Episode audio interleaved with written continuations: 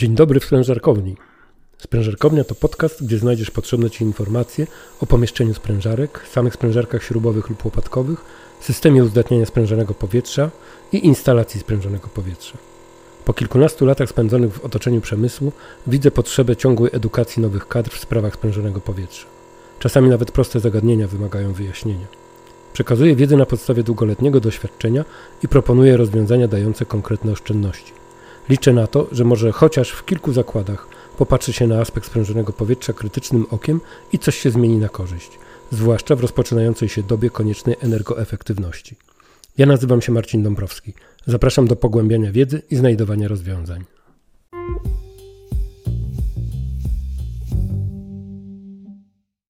Sprężone powietrze może być zanieczyszczone pyłami, wilgocią i olejem. Takie trzy rodzaje zanieczyszczeń są brane pod uwagę w normie określającej klasę czystości sprężonego powietrza ISO 8573-1 z 2010 roku.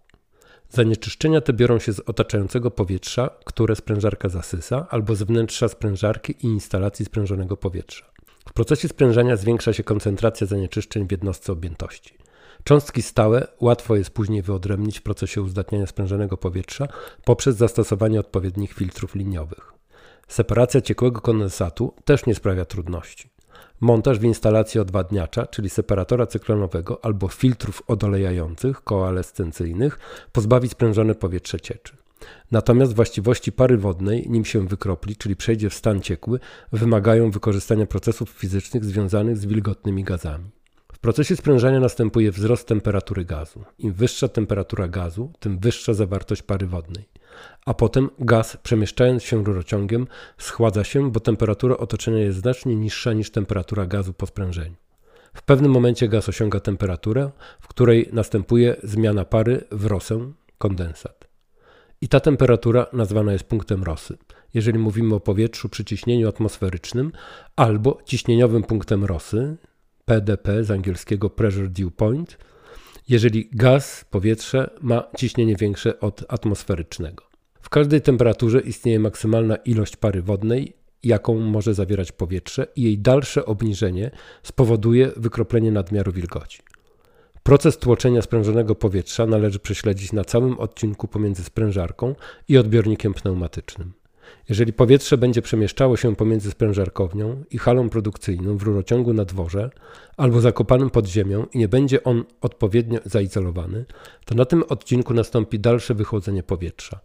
Jeżeli nastąpi osiągnięcie ciśnieniowego punktu rosy przy ciśnieniu roboczym, to w tym odcinku może nastąpić dalsze wykroplenie kondensatu.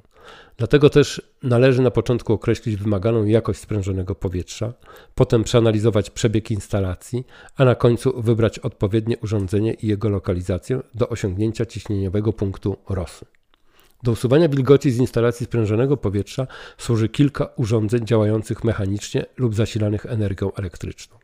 Do grupy mechanicznych zaliczać będziemy na przykład separator cyklonowy, czyli odwadniacz. Budowę i zasadę działania omówiłem we wcześniejszym podcaście pod tytułem Odwadniacz do kompresora. Podlega on serwisowaniu i o tym możesz dowiedzieć się również w poradzie Odwadniacz do kompresora serwis. Innym sposobem jest przepuszczenie sprężonego powietrza przez zbiornik buforowy. Powietrze schładza się w nim, a wilgoć wykrapla. W poradzie pod tytułem Zbiornik do kompresora suchy czy mokry przeczytasz o dwóch rodzajach zbiorników w zależności od jego lokalizacji względem osuszacza. Może być jeszcze chłodnica wentylatorowa, chłodnica wodna, ale najbardziej powszechnym urządzeniem do usuwania wilgoci jest osuszacz. W zależności od konstrukcji będzie to osuszacz membranowy, osuszacz chłodniczy zwany ziemniczym albo kondensacyjnym, albo osuszacz adsorpcyjny, regenerowany na zimno lub regenerowany na gorąco.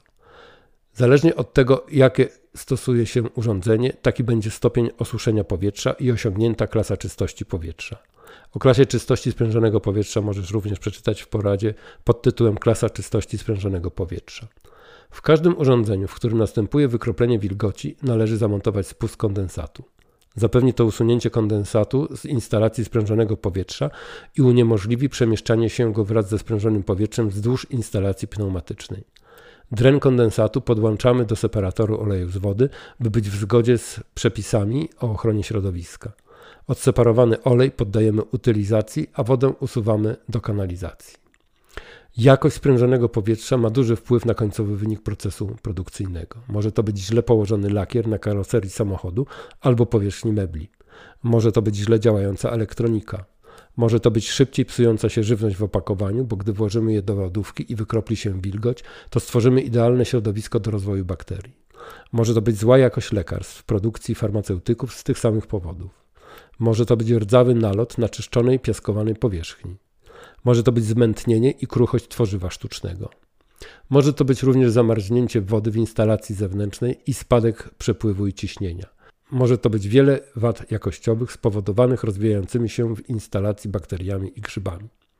Skoro wilgoć w sprężonym powietrzu może wyrządzić tak dużo szkody, to należałoby się zabezpieczyć przed ewentualnymi konsekwencjami awarii urządzeń do uzdatniania sprężonego powietrza lub ich mniej efektywną pracą. Na przykład, gdy wzrost temperatury otoczenia wpływa na skuteczność pracy osuszacza, albo gdy ktoś zmieni ciśnienie robocze sprężarki. Punkt rosy monitoruje się z wykorzystaniem dedykowanych czujników. Czujniki takie mogą pokazywać informacje lokalnie na miejscu montażu albo przekazywać zdalnie do systemu monitorowania pracy całej instalacji. Niektóre sprężarki i osuszacze przystosowane są do technologii Przemysł 4.0, więc powiadomienia o uzyskiwanym punkcie rosy możesz dostawać na maila, SMS-em lub monitorować go w aplikacji na smartfonie.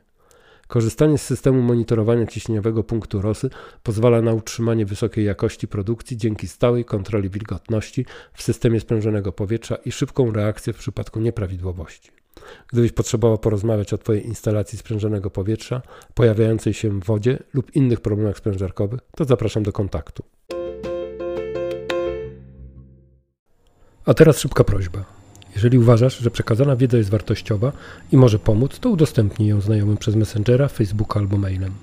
A gdybyś słuchał tego podcastu w Spotify lub Apple Podcast, to proszę wystaw opinię pod podcastem. W ten sposób pomożesz innym, a sobie zrobisz dobry dzień.